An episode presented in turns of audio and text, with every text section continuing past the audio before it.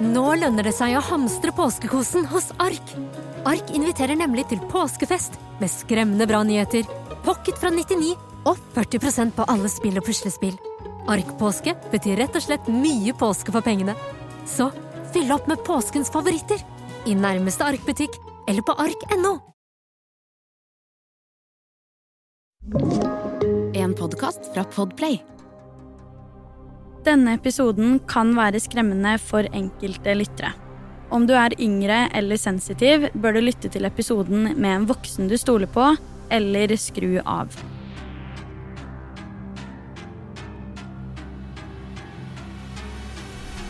Hei og velkommen til en helt ny episode av Forsyningsfredag podcast.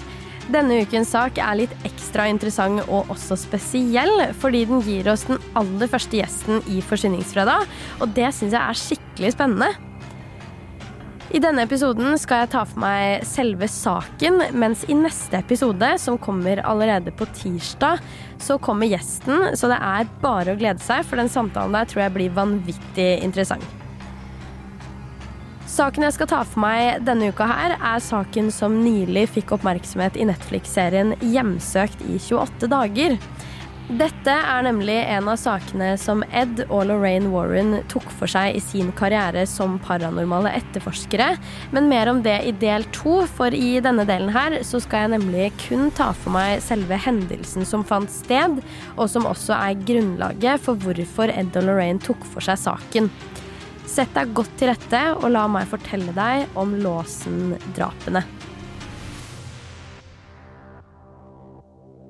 Vi skal til Germanton i North Carolina. Det er nemlig her den store Lawson-familien har bosatt seg.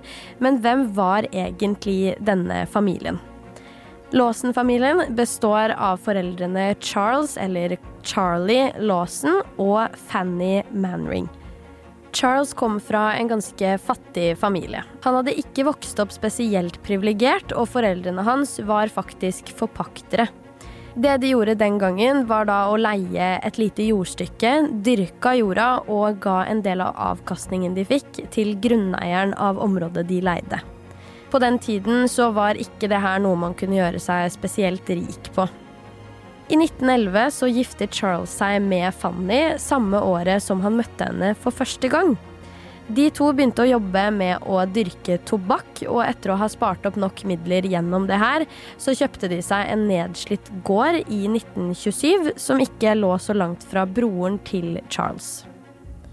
Det virker som at kjærligheten blomstra veldig mellom disse to, spesielt tatt i betraktning hvor mange barn de fikk over relativt kort tid. Totalt fikk de åtte barn, men deres tredje barn, William, han døde av en sykdom i 1920, bare som seksåring. Vi skal til jula 1929. I utgangspunktet så skal jo juletiden være noe fint, gjerne et samlepunkt for nære og kjære. Dette skal jo være tiden for å slappe av, spise god mat og omfavne juleroen, men dette var ikke tilfellet for Låsen-familien dette året.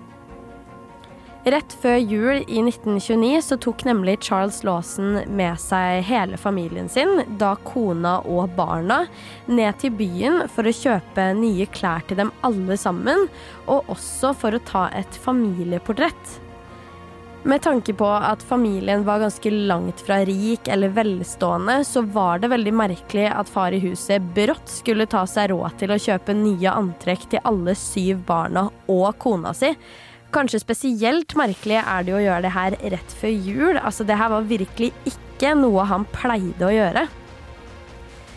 Det familien ikke visste på tidspunktet da de fikk på seg nye klær, var at eh, dette etter hvert skulle bli antrekkene de alle sammen skulle dø i. Og dødsfallene deres skulle være noe helt annet enn normalen. Charles Lawsons aller første drap skjer allerede samme dagen. To av hans døtre, nemlig Carrie og Mabel, hadde vært på besøk hos tanta og onkelen sin. Faren til jentene venter da på dem i skjul ved fjøset der de har lagra tobakk. Så fort jentene var innenfor rekkevidde, så skjøt han de begge to, før han deretter slo de med en hard og tung gjenstand gjentatte ganger for å forsikre seg om at de faktisk var døde. Rett etter dette går han målretta tilbake til huset, hvor kona hans Fanny står på verandaen. Han skyter også henne uten å blunke, og samtidig kan man høre skrikene fra datteren Marie på 17 år.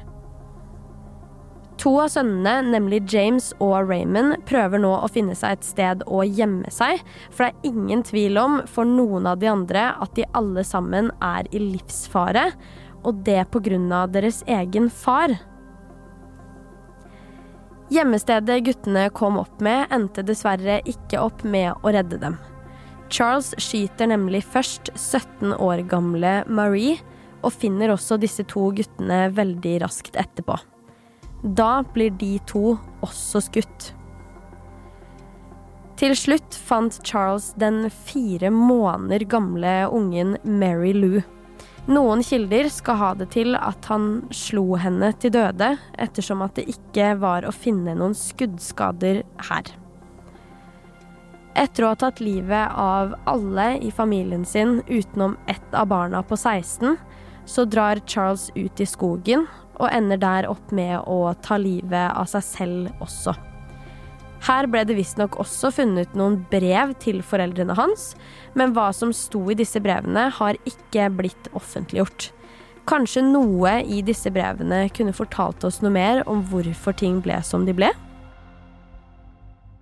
Alle menneskene Charles tok livet av, ble funnet med hendene i kors og med en stein under hodet sitt. Men hvorfor det? Og en annen ting, hvorfor lot han kun den ene 16 år gamle sønnen sin leve? Charles hadde jo nemlig, ifølge noen kilder, sendt han av gårde på et ærend like før han skulle begå alle disse drapene, så det virker jo som at det her var planlagt på en eller annen måte, og at han fra starten av hadde bestemt seg for at 16-åringen skulle få leve. Men kan det ha vært en tilfeldighet? Det her er ting som virkelig ikke gir mening for meg i det hele tatt. Altså, vil vi noen gang få svar på disse spørsmålene? Uansett, akkurat i denne saken så kom politiet på banen ganske raskt. Rett og slett fordi at vitner i nærheten hadde hørt skudd og meldte ifra veldig fort. Det betyr også at det allerede var folk på åstedet da Charles hadde dratt ut i skogen, til og med før han i det hele tatt hadde tatt livet sitt. De som var på åstedet, hørte nemlig skuddet som gjorde at en politibetjent gikk ut i skogen og fant etter hvert Charles som lå død rett ved siden av et tre. Rundt treet var det fotspor som rett og slett sirkulerte treet, så politiet antok at Charles hadde gått i sirkel rundt treet før han til slutt skjøt seg selv. Fordi gjerningsmannen også drepte seg selv i denne saken, så ble det heller aldri noen rettssak som kunne domfelle noen. Alle tegn pekte jo på Charles, og det gjorde at det ikke var noen poeng i å drive noen videre etterforskning derfra, men dette gjør også at vi heller ikke har noen 100% sikker forklaring på hvem som faktisk tok livet av disse menneskene, selv om alt peker på at det var Charles som gjorde det.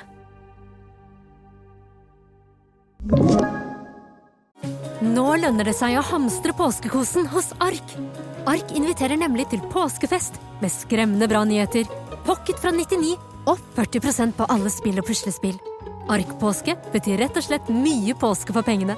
Så fyll opp med påskens favoritter i nærmeste Ark-butikk eller på ark.no. Som i så mange andre drapssaker som ligner på den her, så oppstår det jo alltid teorier om hvorfor ting har skjedd. I den saken her er det selvfølgelig ikke annerledes. Bare noen måneder før drapet var nemlig Charles Lawson uheldig og ble utsatt for en ulykke som skada hodet hans veldig. Dette har gjort at enkelte mener at det kan være en sannsynlighet for at denne hodeskaden kan ha resultert i massakren han senere utførte, men obduksjonsundersøkelsen av Charles viste likevel tydelig at dette ikke hadde noen sammenheng, og at det heller ikke var noen abnormaliteter i hjernen hans i det hele tatt. Det var derfor ikke før i 1990 at man skulle få et mulig svar på akkurat hvorfor Charles Lawson valgte å gjøre som han gjorde. Dette er nemlig året da en svært kontroversiell bok i denne sammenhengen kom ut. Dette er boka White Christmas, Bloody Christmas, som tar for seg saken og det forfatterne mener er sannheten bak saken. Denne boka er skrevet av N. Bruce Jones og Trudy J. Smith, og i perioden da de intervjua og forsøkte å finne ut mer om saken de skulle skrive bok om, så kom de i kontakt med flere personer som fortalte om et rykte om Charles og et av hans barn, nemlig 17 år gamle Marie. Dette ryktet skal angivelig omhandle incest. Kunne det stemme at Charles Lawson hadde vært seksuelt involvert med sin eldste datter på 17 år? I 1989 mottok også forfatterne av boka en telefon fra en anonym kvinne. Hun kunne fortelle at hun hadde vært på en omvisning av huset til Lawson-familien kort tid etter drapene. Guiden hadde da fortalt om dette incestryktet, og det hadde han presentert som et faktum og ikke et rykte. Dagen før boka skulle publiseres, mottok også forfatterne en telefon fra Stella Lawson, som da er datter av Marion Lawson, og da kusina til Lawson-barna som ble drept. Hun kunne i denne telefonsamtalen fortelle at hun med sikkerhet kunne si at hun nå visste den sanne historien om hvorfor Charles gjorde som han gjorde. Stella forteller at hun i begravelsen til Lawson-familien hadde overhørt en samtale mellom Fannys svigerinne og også tanter, i tillegg til Stellas mor, nemlig Jetty Lawson.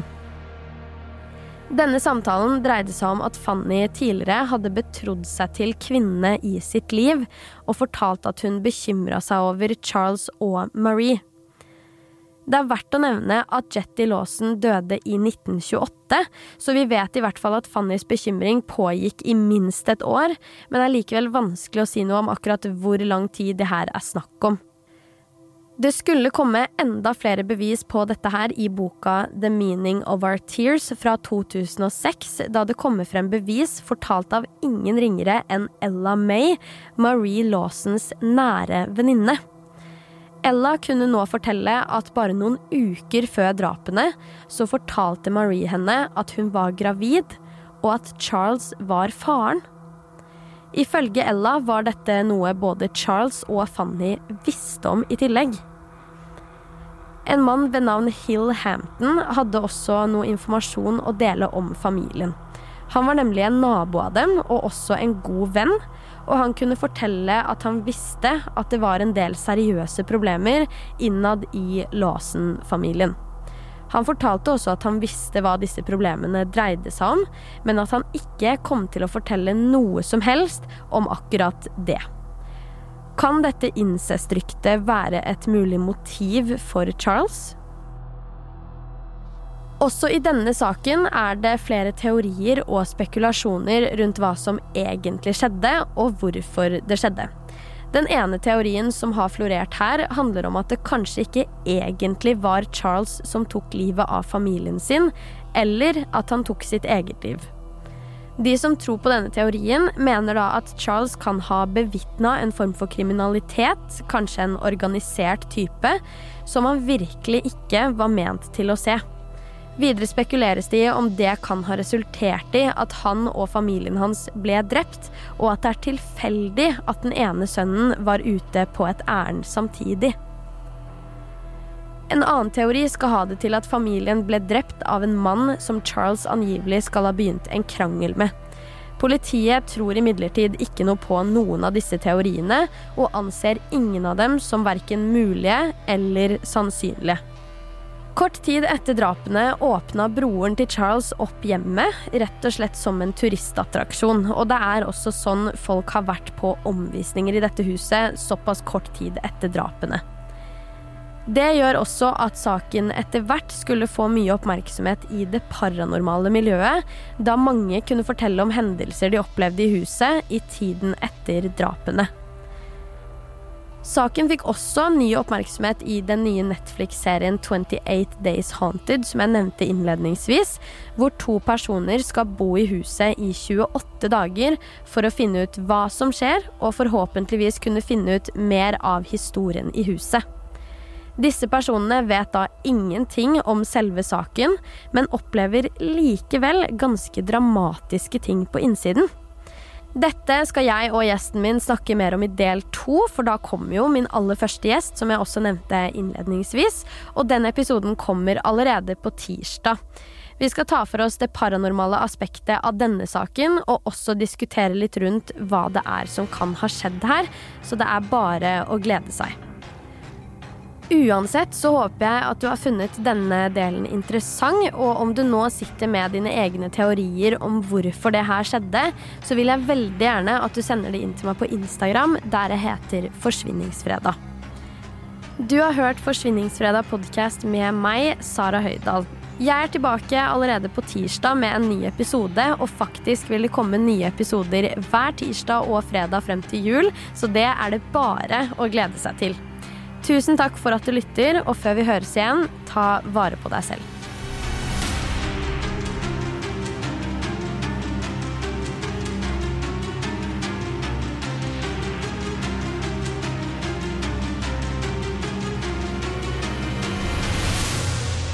Du har hørt en podkast fra Podplay. En enklere måte å høre podkast på. Last ned appen Podplay, eller se podplay.no.